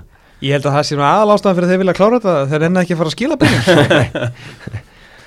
Þannig að já. Nei. En þú ekki bara fara bara í hitt þarna mitt bara, þú veist, Ef að mótun eru slöfað okay. Ef að bara fótboltanum eru slöfað Því að nú er sérst utandildin Er, hún, er búið að hættina alveg eða Er það bara pælinga? Þeir, þeir spilu bara alveg frá, sístu helgi? Já. Og svo bara allar hætta núna Já það er sérst náttúrulega hérna út af bara tekju leysinu sko Utandild, sérst lík Liðin í, í lík 2 Eru fara, eru að fara í algjört raskat Já, já. og utandeildin geti bara lognast út af sko. þú veistu þetta er bara því að menn er alveg að fá borgað í, í 50 deildinni sko, í utandeildinni en þetta er að fara í, í svakala mjög vond mál og þegar þú horfir neðar til dæmis í Englandi bara talandi um hérna, veist, þessi allra minnstu félög þar sem að samt er leynast er svona fínir leikmenn að innviðin þar eru bara, ég þú veist, það er hérna, ég sá að Henry Winter talaði um að í söndu supplement að að það er einn af hverjum þremur völlum í svona grassrótunni er spilhæfur, búin að spilhæfur í vettur sko út af veðri. Og það verður engi peningur til að laga eitthvað svona og þannig að þeir eru alveg í algjöru röggli Það sko. var líka forrætnilegt viðtal við hann að stjórnarfóma Gillingham sem er í lík uh, 2 held ég. League One. League One Það sem að þið voru að tala um hérna að, að hvert og eitt úrvalstilla lið ætti að setja 2,5 miljónir punta til að bjarga liðunum í League 1 og League 2 og þá var, vera, þá var hann að tala um með mitt launakostna Gillingham á mánuði lau, sko, það sem fer í starfsmenn það sem fer í völlin sem, mm Mhm. þetta er alveg stjartfræðilegar upphæðir þrátt fyrir að einhvern veginn við höldum að Gillingham sé reiki á 300.000 pundum á, á, á Mhm. sko mánuði en ef, þessu eru slöfað eða slöf, jú, ef þessu eru slöfað eiga þá, var ekki punktur minn, eiga þá Leeds og Vesturlandsálfi án að fara upp og þriðja sæti með mögulega með já. eða engin að falla og spila 22 lega delta því gefnu að þessu verði slaufað Já, Pæli að vera á þessum stjórnafundi þar sem þetta er ákveðið sko. þú veist allar að senda liðin niður sem að falla og taka þú veist, fyrsta, annað og þriðja það verður ekkert playoff, bara það Mm. liðið sem er í þriðja seti fyrir upp til að halda þessi 20 lega deild eða engin fellur og efstu tvöliðin og 22 lega deild Já, hvort er sangjarnar sko? Var þetta, Premier League var 24 lið eins og Jú, það ekki, já, fyrsta, first division var ekki mingaði 20 í Premier League held ég? Þegar Premier League kemur þá er það, þá er það 20 Championship er alltaf er á 24 Fjúr. núna sko. Já. Þetta er þetta er rosalega Það er- það er- það er ekki svona, ég er bara að spura ykkur álit sko. Ef Já. þetta gerist, hvort, hvort vil ég sjá? Herðu, uh, ég vil svo mikið fá lítsu Já, ég, ég er það líka en, en hérna Ég fannst til mér fárlega um daginn hva, þegar Hamar fekk ekki að fara upp að því að Þóra átti tölfæðilega mögulega að berga sig sko. Í, í þarna þú veist, mér hefði fundist að henda þeim niður þá og tvölið upp og, og tvölið niður. Þannig að Mhm. þarna myndi ég segja þrjúlið upp og þrjúlið niður. Bara, sorry, svona er þetta. Svona er stæðin í deldinni og þetta er bara hérna fordamælusi tímar og það er bara að gera þetta henda, henda þessi þrjúlið þeim liðum upp og, og þrjúlið niður Ég vil lýts upp, uh, ég held að Vestbrunns Albjón, uh, þú veist, það hafi verið gaman. Hver eru í þriðja sætinu hann í, í Championshipu núna? Já, góð spurning. 94-95 var síðast tímbili með 22 liðum. Já, já, já. uh, Þá fall, falla fjögulið Crystal Palace. Þú veist, Það er líka svona hnútur sem þú ert að leysa ef þú ætlar að hleypa, sko, fara í 22 lið. Hvað ætlar að láta þá mörglið falla næsta? Ætlar Fimm. að fella bara 5 niður? Já, það er. Það verður alveg fallbára það Hvað verður við lengi að vinda ofan af þessari koronavírus dóti, þú veist? við erum ekki Erum- þremmenningarnir sem geta svarað því. Nei. við þurfum En það eru við líka fjórir. Já, hann er að spyrja okkur. Já, já, fyrir ekki. Heyrðu, það er hann að Fúlnam sem er í þriðasæti í mm. Heyrðu, hann næsti, næsti bútur, hann kemur frá mér. Uh, Súpænleika er hvaða lið á mesta möguleika og veit að Liverpool og Manchester City keppnu um meistaratitilinn á næsta tímabili? Ef þið þyrtuð að það banna að segja það á ekki möguleika. Já. ef þið þyrtuð að velja eitt sem á Þess, mestu Þessi möguleika. var bara, sko, mikið af flóknum spurningum minna Þessi bara er eins og flóknast að það mér Já. Já, uh, hérna, erum við að miða við, þú veist, erum við að fara að kaupa eitthvað í sumar? bara, þú veist, bara eins og staðan er núna og þú ímyndaðir þetta verði Já, þá held ég að, að hérna, þá ætla ég að segja, þú veist, þú veist ekki að fara að segja Lester nei, ég ætla að segja Manchester United. Já, ég er nefnilega líka á því Ég er þar liðlega líka sko. Já, ég, ég var svona Handast það líka, svo fór ég að hugsa Finnur Róman að brama sig einhvern pening núna Einhvern veginn Það var að segja eins og þetta er núna, sko. Já, þú veist, þegar kaupir Er þetta ekki, má ekki kaupa Ég meina, þú veist, það Ég, verður ég bara eins og þú heldur Já, Það er ég, ekki ég, búið- ég, held að hann nefnilega eftir að koma einhvern veginn óvendur upp í sumar og kaupa einhverja leikmenn og Chelsea verið allt í hennu bara komið. Chelsea er náttúrulega með breyðar og sterkari hóp, uh, náttúrulega með aðeins yngri, þess að fyrir ekki óreindari þjálfara, en, veist, losa Petro og Viljan okkur kalla launaskrá og, og ég held að fá ykkur að spraka í staði Já, en talandum að kaupa sko, ef að gleysifeikarnir eru ennþá í hérna, í sjönda himni eftir að hafa landað Tom Brady til Tampa Bay Já. og hérna fá eitt, tvo kalla og með það sem er í gangi núna, Jónætt, þannig ég ætla að halda með ég, ég, ég, ég, ég var, var að hallast í núna svo fór ég að hugsa þetta með Róman sko, hvort að hann muni draga eitthvað kannur upp á hatti Róman er svo miklu besli með hann, ég er búin að vera í ferðabann í tvö ára og. En þetta er gott satt þér, þetta er alveg rétt. Ég meina ef hann finnur ykkur að tók öra þá er fullt til staðar þarna, sko. En það er alveg ástæða fyrir stundum með Manchester United að leifa sér að dreyma með Brú- Brú- Bruno og, og hugsa að Pól Pogba nenn allt einu að spila kannski eins og eitt tímabil.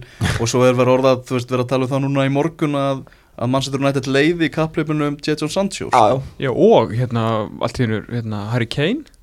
Já, hann all- alltaf nefndur. Já. Þannig að, já, Eh, þetta er já, ég myndi segja að United, United endaði allavega þú veist, ef þetta er búið tíumbili á það góðu rönni að þetta var orðið, það orðið rosalega jákvæðni. Ég held að vera, sumar geti orðið þeim auðvelt.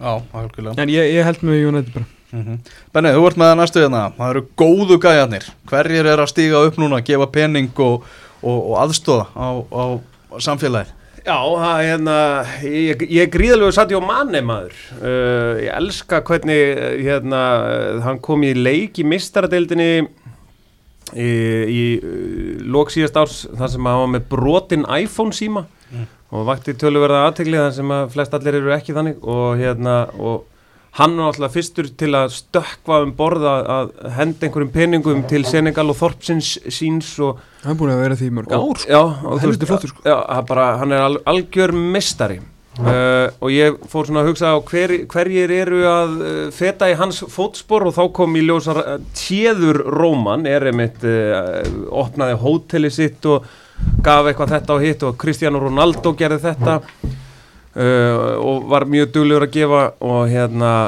svo, svo sá ég að, að sko Joe Cole kom svona óvæntur inn og, og hendi þarna einhverjum 11 miljónum í Já, hann satt á einhverjum seðlum. Já, uh, og hérna og þannig, ég, ég fór bara að hugsa sko, Gary, Gary og Ryan Giggs opnuðu Hotel Fútból fyrir hérna en sem þetta er að gefa herbergi fyrir hérna starfsfólk sjúkraþjónustunar í Manster Já, sem Já. að þú veist þurfa með hann alltaf ekki vera heima á sér í Nei. einhver ótt sko Já, eða einhver móta já, ok. Robert Lewandowski er búin að gefa Já, þau náttúrulega hjónin rosalega mikið penning Þjóðverðin hafi verið helviti Bayern öflugir. og Dortmund saman að láta fyrir hendi regna til minni liða. Já, ok. Já. uh, Svo náttúrulega Ronaldo og Messi þeir tóku hvað eina miljón evra sjálfur Já. Svo er bara það að sjá meira þessu vantilega næstu vikunar Það verða Já. fleiri sem hoppa á vagnin held ég. Já, einmitt. Og það er bara hérna uh, að því að skilur við fótboltamenni hafa, það er ekki mikið gúttvil svona utanvallar finnst manni gagvart fótboltamennum yfirleitt Nei. sko. þú veist, þeir eru nú yfirleitt svolítið, svolítið bjánar að að kaupa sér 15 Lamborghini og, og 13 Ferrari og veifandi hann einhverjum 100 miljón krona úrum og svona en svo, svo eru gimsteinar hann inn á milli sko. Algjörlega Ég var líka með sko hérna uh, hverjir hafa komið mest á óvart á samfélagsmiðlum í þessu í þessu veirubanni. Og það er boring Það er James- boring James Milner Já, nema alvöru dinsmillir James Milner for real er snillingur. Já Hann er Sko, þú ert lífbúlmaður Já, já. Ég verð að viðurkenna það. Ég, sko, ég held að þetta væri bara uh, hérna, þú veist, boring James Milner væri bara að því að hann væri frekar þurr á mannin sko. Já, hann er búin að vera, sko, hann er bara hefur bara gert grína af þessu sjálfur. Bara frá því að hann byrjaði á Twitter hefur hann alltaf verið með fullt af gríni, sko. Já, Hann er bara, já, veist Sko, er, liðið er, er þetta ekki hinn magna samfélagsmiðla til Liverpool sem er bara aðstofan bara heyrðu, nú ert þú bara með eitthvað neikvætt umtal og allir að þú sér leðilegasti maður í heimi. Mm. eigum við ekki bara aðstofa þig og bara breyta þig Komið fullt af hugmyndum og gera alls konar Sko, sprell. liðið hans sem hann setti saman heima hjá sér Já, ég held ég sé búin að horfa á það 16 sinni að það er svo fyndið sko. Já, það var bara með einhverja riksu sem að stóð svona semst, eitthvað nafn sem að stendur Henry og hann bara forwards Thierry Henry. Og bara já þetta þetta er geggja sko. ein pæling. Ættu þú veist fyrir hvern mánuð þú veist heila mánuð sem að þetta er hérna ja, viku kannski sem þetta gengur yfir. Ættu að skattleggja þú veist ættu félögin að koma að sér saman um að skattleggja leikmennina sína þá er ég meina sem sagt segjum að þú sért með 100 ás pundu viku mm. þú veist þá bara tekur það launalækun já, bara þú ert ekki að spila fótbolta Mhm. mm og sko 100 ás pund á viku eru þú veist, fullt af miljónum sko. Þú veist það eru 17 miljónir eins og gengið er núna fyrir okkur þú þarft ekki 17 miljónir viku sko. þú getur alveg fengið já, 8 miljónir í tvo mánu þú þú, þú derði ekkert sko. Nei, nei. Þú veist, þannig að svona segjum að setja með hérna, þú veist, 100 ás pluss þá gefur við 50% ef þú með skilur 50 til 100 þá gefur við 30% og undir það gefur við 25% eitthvað svona, skilur, ég, ég klára ekki starfræðin sko. bara að meðan þetta gengur yfir að þetta, að leikmenni takir sér saman og bara, þú veist, þessi peningur allur farið bara eitthvað sjóð og bara eina vikuna fer þetta í, hérna, í, í, í sjúkradótið mm. eina vikuna fer þetta í, í matarhjálpina og þriðju vikuna fer þetta bara í félögin fyrir neðan, lík 1, lík 2 eitthvað svo leiðis og bara meðan þetta er í gangi Svo róterast þetta bara e eitthvað svona sko. Já, ég held að sko þú þarft ekki þú þarft ekki 100 áspund á viku sko. Nei, þú þarft ekki að vinna sko, Þetta er sexfaldur lottovinningur á hverjum lögadegi sko. Já. Og þetta er ekki mánalögn þeirra sko. Nei. þeir sem er eins og Markus hann er ekki með 100 áspund eða eitthvað bara til dæmis þú veist Gilvið er með 100.000 pund á viku Mhm, hann er með 17 miljónir króna á viku sko. hann þarf ekki í hverri viku að fá 17 miljónir sko. nei. það er rosa fínt sko Að, Mjög gott alveg svakalega fínt sko. Þannig að hérna, ég bara svona bara þetta getur verið eitthvað leið til að fyrir gott fyrir PR fyrir deildina og hérna En 17 pluss 17 pluss 17 pluss 17 Veistu hvað það er? Ég hef ekki hugmyndið það Þetta fjóra sem sagði, kanntu 17 sem töfla? Nei Nei, ég er búinn í 2 17 Já það er allavega Fyrir minn næsta, 34. næsta umræðefni er hver á að vera fyrstur í frægðarhöll ennsku úrvarstildarinnar. Það búið að tilkynum stopnum hennar og það búið að segja reyndar að komi tveirinn en við ætlum að í okkar ímyndaða heimi að segja að það sé bara einn sem er kynntur fyrstur í frægðarhöllina. Ég ætla að glega að benna bara alveg sér er Það er sammarkaðist langmarkaðistur í deildinu fyrir bæði Já, ég er, ég er sammálaði. Líka sko vegna þess að hann er ennskur. Þá á hann að vera fyrstur finnst mér. Þetta Já. er ennska úrvarstildin, byrja á einhverjum svona englendingi sem hefur verið andlit deildarinnar sko. Já, þú veist, það er ekki heldur ekki að fara að slá uh, þú veist, hann út eitthvað næstu árum sem markaðist með deildarinnar menn er langt í land Já hann er, var þetta ekki 264 mörg sem hann er með? Er veist, langt á undan næstu mönnu Já, með það að spila. Var ekki Rúni, ef að Rúni eh, spilar 5 ári viðbót og skora 20 mörg Já, langt, já, já, við erum að stað þar og hann er í Darby núna Já, í Champions og hann þarf að komast upp. Já, hann er, þetta er, ég held að, ég held að það sé bara átó, sérar En svo ertu með, þú veist, Ryan Giggs sem spilar Herru, 630 Lof mér að taka þátt í þessu. Ok, Herru, Alan Shearer. Mm. Já, ég held að Ryan Giggs segi ykkur að taka hans 22 tífambil 672 leiki og 13 englandsmeistari til og haldið bara bjórnum sko. Alan sjálfsögðu. Uh, Bara mannvinnur líka, þú veist Ryan Giggs er Jésús Þetta hlýtur að vera hérna, eh, Þetta Ok, hlýtur þetta er ekki svona gali hjá okkur, þetta var svona smá til að espekulum sko. En að sjálfsögðu er 13 faldur englandsmeistari með En- 22 tímbil maðurinn sem að skora á hverju tímbili þar til svona síðasta auðvitað er það maðurinn sem er fyrstur í fræðarhöllur En ef við ætlum að taka tvo eins og við talum, er þetta ekki það þessi tveir? 100%? Jú, jú Það er ekki bara, Annað þú er veist, bara- þegar annað er þegar bara þeir byrja galið. þetta Verður það ekki hannig? en ef einhver nefnir Thierry Henry? Hann kemur bara næsta ári. Já, hann verður svona 77. hann, hann tók bara ekki, hann hefðist að vera lengur. Hann var, en hann var ógeðslega góður Hann var meðan reikalega góður hann var En hann, hann, veist Hann hefði verið að taka fleiri tímambil heldur til að vera þannig í þessu umræði Ég var að búast til því að þú myndir hamra á Steven Gerrard Maggi. Nei, nei, við erum ekki það Já, ok. Hann var sko hérna, hérna Hann spilaði nú lengi, hann upp á það og skoraði mörg og svona, hann vant ekki að setja upp á titlana. Já. Það voru ekki alveg nú mörgir hann á samt 8 tíumbil Henry í, í dildinni sko. Það er heldur mjög hann verður hérna mjög ofalega já, kemur í, í sinni bylgjuna þessi, þessi tveir eru Hvað er Aguero búin að vera lengi? Hann kom- ógeðslega lengi. hann kom 2010. hann fyrir beint í þessu sko. Held ég sko Sergio 2010, Aguero 11 ég get alveg haldið því fram hérna Sergio Aguero er svo besti leikmæri sögu en skúrstildina sko. Já, ég meina þú Ég get alveg sagt það, já, uh, Og það er mjög erfitt að mótmæla því, sko. Geggjaði sko. En, en Ryan Giggs og Shearer eru nummer 1 og 2 Já, nokkur, svo er regljóðin þannig að þú þarf að vera hættur að spila til að komast inn Þannig að Aguero kennst ekki alveg strax inn. En er þetta svona að það er að býði fimm ára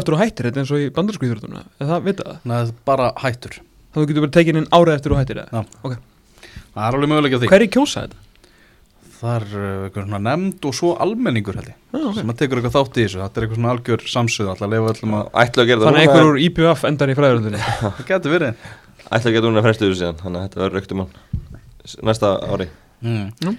Herru, förum í Evrópu umræðuefnin Tom, Tom, þú ert með hérna, er eðlilegt að UEFA vilji fá 275 miljónu punta í skadabætur innan gæsalappa frá sambundunum innan sinna vébanda fyrir að fresta EM um eitt ár.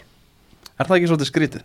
nei, það er ekki eðlilegt já. Veistu hvað er búin að búa til marga bolla Mert EM 2020 já, nú bara fá þér, kalla þér boltan inn gera svona puntur, puntur, puntur Ein- one, já, já. Já, End one Ú, munið þetta því merki? Heldur betur. Nei, þetta er alltaf fárlegt Ég meina sambundin eru innan UEFA. UEFA er að byggja um skadabætur eða frá sjálfum sér sko. Einmitt, þetta er að því að maður held að UEFA myndi fara, við vorum með Björn Bergerna um daginn þar sem við vorum að vonast til þess að, að UEFA myndi koma félugunum og samböndunum svona til bjargar að einhverju leiti, þú veist, henda út björgunarring Mm. af því að EM verður ekki. Mhm. en þeir ákveða bara að taka snú og hæl og vilja fá peningin til sín ég næði þessu ekki alveg sko. og hefði EM farið fram veist, umspilið er eftir og allt þetta hvernig ætlaður að hafa EM sko bursið frá deildakemnunum ef deildakemnun alltaf verið slaufaðar og þeir áður geta haft EM er. Ég, ég er orðin gríðalegur sefirinn maður. En þetta, ég er að vona að ég sé að miskilja þetta. Djúvillig sefirinn flottir maður. Ég, hérna, er þetta ekki vonandi bara svona eins og, þú veist, maður er náttúrulega mikill Boris Johnson maður ok, við skulum ekki samt, svona- ég var ekki að grína sko. Ég er mikill sefirinn maður, hann er geggjaður sko. Já, ok, já. En- Og Be- Ben er Boris maður. Ég er mikill Boris maður. Og hérna, vonandi var hann bara aðeins að miskilja þess að veru, sko. Já. En þú veist, við vitum það náttúrulega að- að peningar skipta óheyrilega miklu máli í fó fótbollarnum Mhm. En í þessu ástandi núna er ekki að koma í ljós hversu sorglega miklu máli peningarnir skipta. Því að það er bara verið að tala sko, þú veist, að koma ykkur helstu sérfræðingar og bara Þeir verður öll læst inni hérna út apríl. Og svo kemur, kemur fótboltinn og bara vonandi byrjum við bara svona 5. apríl. Að spila. Bara það er svo mikið peningur og við viljum ekki skila honum, getum við ekki að bara að spila við lutum dyrum og hérna vona það besta. Það er bara það sem er í gangi í fótboltinn Ég veit það. Já, þeir neyta svolítið að horfast í augu við staðrendir Já, Það er Það sem mun koma í ljós núna í þessari veru, í öllum löndum er að peningar eru djöfullin. Mm. Það á bara svo að vera svo í Waterworld. Við höfum bara skiptast á tómutum og mold og... Nei, ég tjók En þú veist, þetta, þetta er að fara allt í raskat Mhm. Það er svona mitt teik næsta umræðefni, það er frá mér hér, ætti UEFA að slaufa EM allstaðar, það er að segja að EM verði allstaðar, láta Þískaland eða jafnvel England bara halda mót, haldi þetta frekar í einu landi, Mm. í staðins að það séu bara allir að ferðast gjössanlega út um allt svona vonandi skömmu eftir að koronaviru faraldurinn sé gengin yfir. Sko, út frá læknisfræðilegu sjónum með Síðasti punktur hefur fannst mér mjög góður sko Mm. uh, Ég bara er ekki nú upplýstur til að vita að því að nú hérna er Er þetta gott að þetta var EM allstaðar Mhm. Skilur, það er ekki eitt land sem er að Já, tapa taka sjö- skellinn. taka skellin Einmitt. Þannig ég veit ekki hvort það sé betra að síðan að hópa þessu saman á einu stað bara út svona fjárhastlega sko eða hvort þessar borgir þurfi síðan að fá EMið, ég held að þetta muni á endanum bara snúast mjög mikið um það en öruglega rétt ég að hérna, bara velja ekkit endilega Þískland eða England bara örugasta landið sko, Já. Ísland Nei, ég hugsa alveg bara Þískland og England því að maður er rétt að það séu einu löndin sem getur haldið bara stormót á morgun Já, einmitt, einmitt. Eða Ég- ég skil þeir eru bara sko. til Já. pla plan í, á skrifstofu enska Ég knarspiðinsambandsins ætla að hafa giska að verið í Þískalandi með við Merkel vs. Hérna, Boris. Johnson Já, Það akkurat voðalega er verið að snúa hérna í Boris nýpnum Reyndar, þú veist, ég hef aldrei verið hrifin af þessari allstaðar hugmynd Þú veist, Þetta var þetta bara platin í að fá sér peninga. Já, það, er, það er svo leðilegt við þetta því að- Sko, ég, ef, ef þið hugsi bara, segjum bara næsta ár og, og Ísland kemst á EM og, og eins og við gerum fastlega ráð fyrir að þú veist sjáuði fyrir ykkur að að- alla þessa leiki sem að við, við erum við reyndar, við erum heppin. Við erum með bækistu bara í München eða eitthvað og- Budapest. ja, Budapest og, og spilum í München og eitthvað svona bla bla bla. Byrjum tvo leiki Svona- Budapest og svo mjög Já, var þetta ekki þannig, þetta er bara svona þægilegt ferðalega sko. Mjög þægilegt. En þú veist allir hinnir að það er þetta er galið í dag að vera í rauninni að segja fólki að fljúa frá Santi Pétursborg til Dublin, Dublin sko, það er, er ekki þannig, þetta er bara tvölund alltaf sko. Er það bara þannig? Já. Já, þú veist, þetta er þetta meikar ekki sens. Það er að follow your team, þá þarf alltaf að fara til tveggja landa. Já, Að minnstakosti sko. Og verða landamærin bara opinn og... Það er nefnilega góð pæling sko þannig að Það er ég, mjög góð pæling. Já, ég held að Þískaland uh, myndi geta tekið, þú veist, við þessu móti bara uh, í dag. Fóru líka langfyrstir í hérna tveggja manna samkominnbannið og eitthvað svona. Maður hefur trú á að þjóðverðinu verið fljótur að að græða þetta. Þráttur hann segja, jú, þú veist, 80 miljónir eða eitthvað mm. Mhm. Þurfum við einhvern veginn að vera bara tveir í, við ringborðið hérna? Því að tveggja, tveggja manna samkominbann verður komið í gang Við erum það nú oftast sko. Já, við rettum okkur því.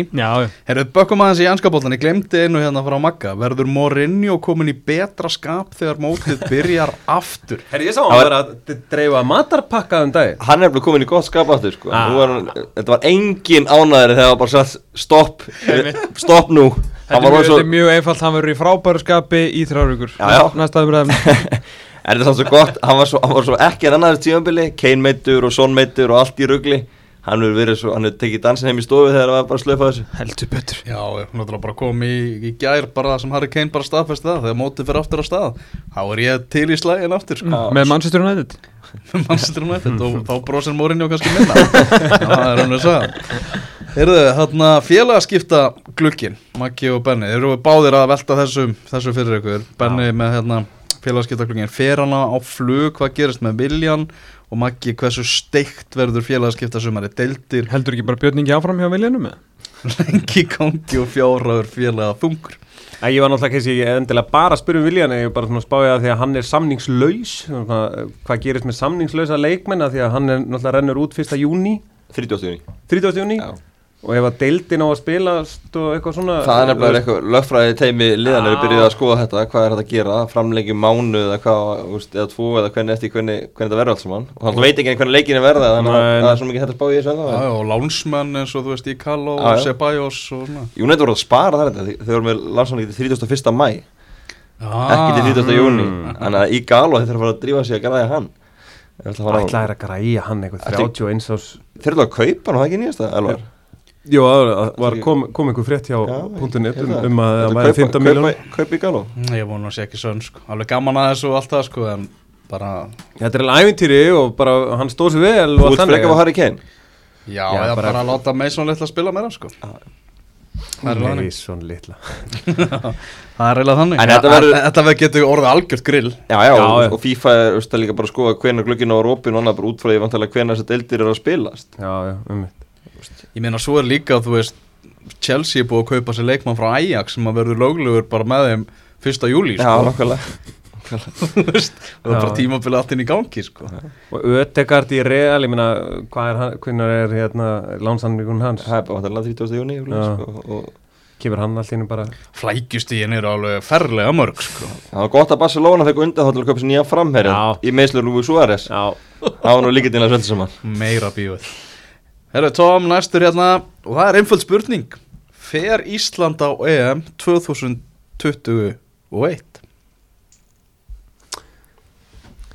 já Stórt er spurt. Já, þið byrjið. Sko Rúmenar Sko, ég, ég var að, að lesa grein hérna í Daily Mail í dag þar sem var að tala um það að englendingar sé að græða á einu ári í viðbót. Mm. Markvarðastaðan er í óvissu hjá þeim uh, Harry Kane og Marcus Rashford mittir í aðdraðanda mótsins og svo eru með svo marga unga leikmenn þú veist, J.J. Sancho James Maddison og menn sem að geta tekið bara miklum framförum á einu ári Mm þannig að meðan svona kannski Spátn og Frakland eru með öflurlið samaskapi, minna umræðan um Rúmena er unglið Mhm. uh, er að taka upp marga úr 21 ásliðinu hjá sér meðan við erum með hundgamallið eða ekki rúmenar allavega ég er ekki að segja það að þeir verði skyndilega líkleri í þessum leik en er þeir ekki hagnast á einu ári í viðbót þarna á móti okkur? Jú Þeir eru nefnilega hagnast óhugnarlega mikið á þessu Svo lengi sem að það verður náttúrulega einhverju leiki spilaði til að koma þessu liði í þið eru að tala um bara Stand, sko. að- ég meina, hvernig er þetta að spila námspilsleik hm, næsta ári. Spilin í mars næsta ári. Mm hann er náttúrulega aldrei að fara fram í júni nei, nei, en hvort það verður í haust Já, ég er svona, pælingin er ef þetta er næsta ári. Já. Við bætum því Já. við þá. Já, það er enda punktur. Það Af því að ef þetta er í haust, þá erum við í toppmálum verður ekki sko. þjóðadeldinu slaufað og umspilið í haust?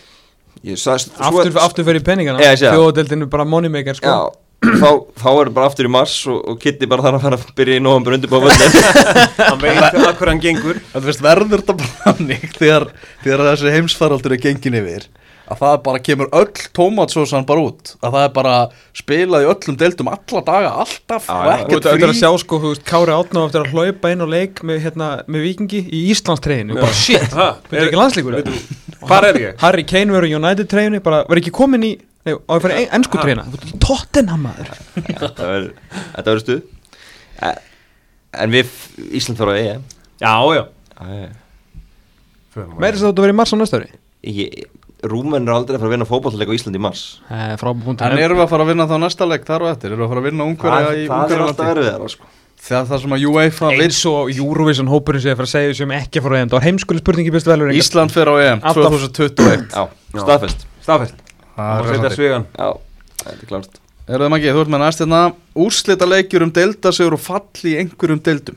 Spánu eða Ítalju, mögulega. Já, hann fór bara haustleysi í Ítalíu komið ykkur 15 ára sinni þetta var slegja en þegar lið endur jöfna stigum Mhm. þá var bara alltaf úrslöðleikur Já. um titilin, það var ekki markatala eða eitthvað svona dæmi hvort að þeir myndu horfa eitthvað í þetta er bara Þeir eru byrjaðar að horfa hans í þetta Já, nú er stig á milli, hvað, Juventus og Lazio og tóknum eða ekki Mhm. og maður veist, þetta er búið að vera þungt í, á Ítalíu hvort þeir myndu taka bara í sumar ekkert um hann einn úrslöðleik í stæðan fyrir að spila restina af mótinu.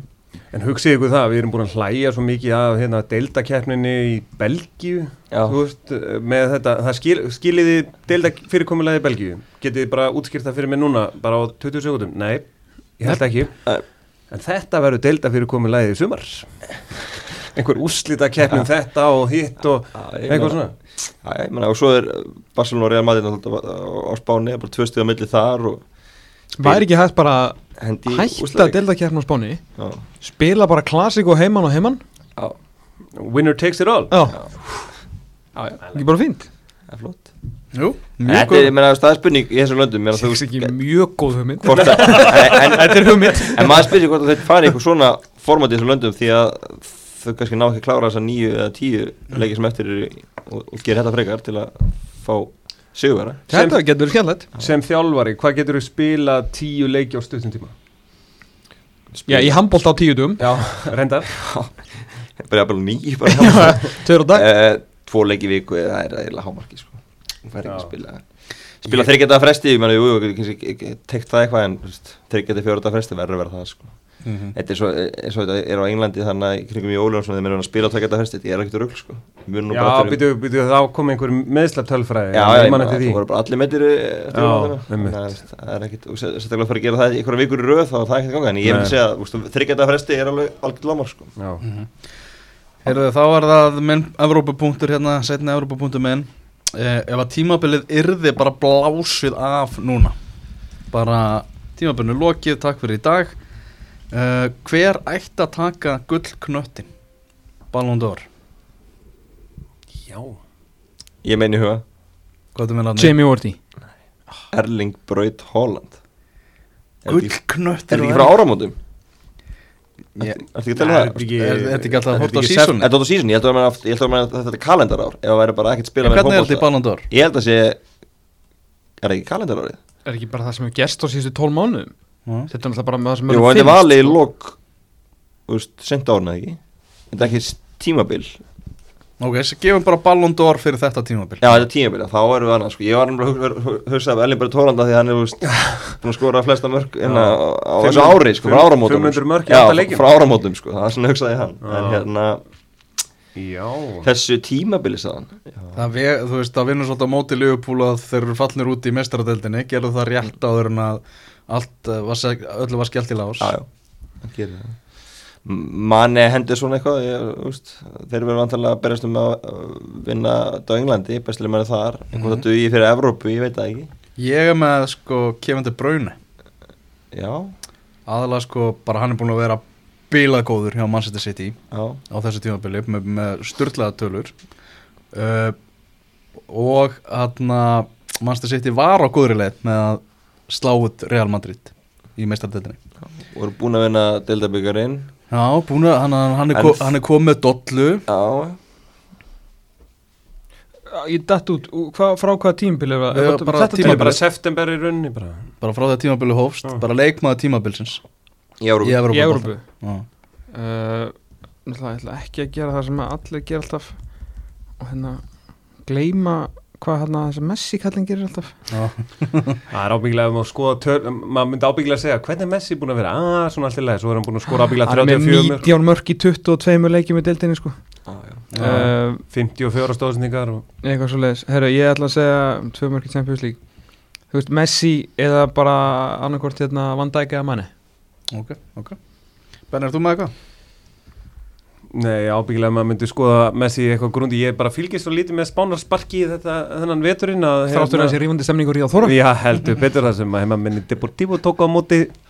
Nei, hérna uh, Já, þannig að ef maður myndi skoða Messi þá er hann ábyggilega eh, sko, geggjaður og ætti þetta skilið.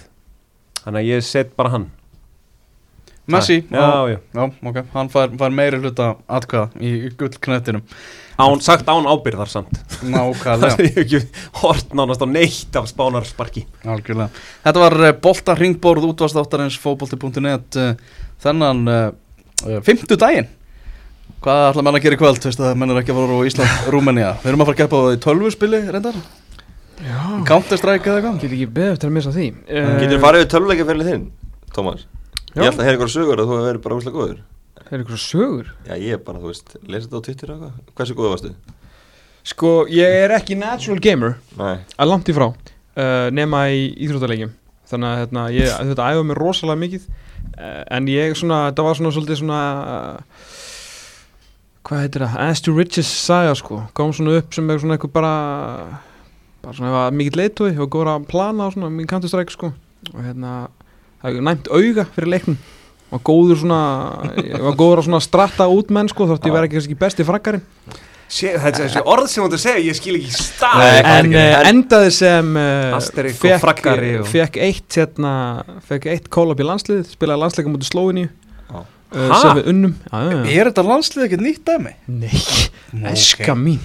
Uh, hérna uh, ég sem sé uh, ég var einu svona rekin heim á skjálta uh, Svindla? nei, ég var ekki að svindla en það var talað ég að vera að svindla. Uh, sem var alls ekki rétt. Og hérna Sittur í þér? ég spilaði einn úrslutleik í Counter-Strike með uh, hérna uh, með Milli og var, var mjög góður þar.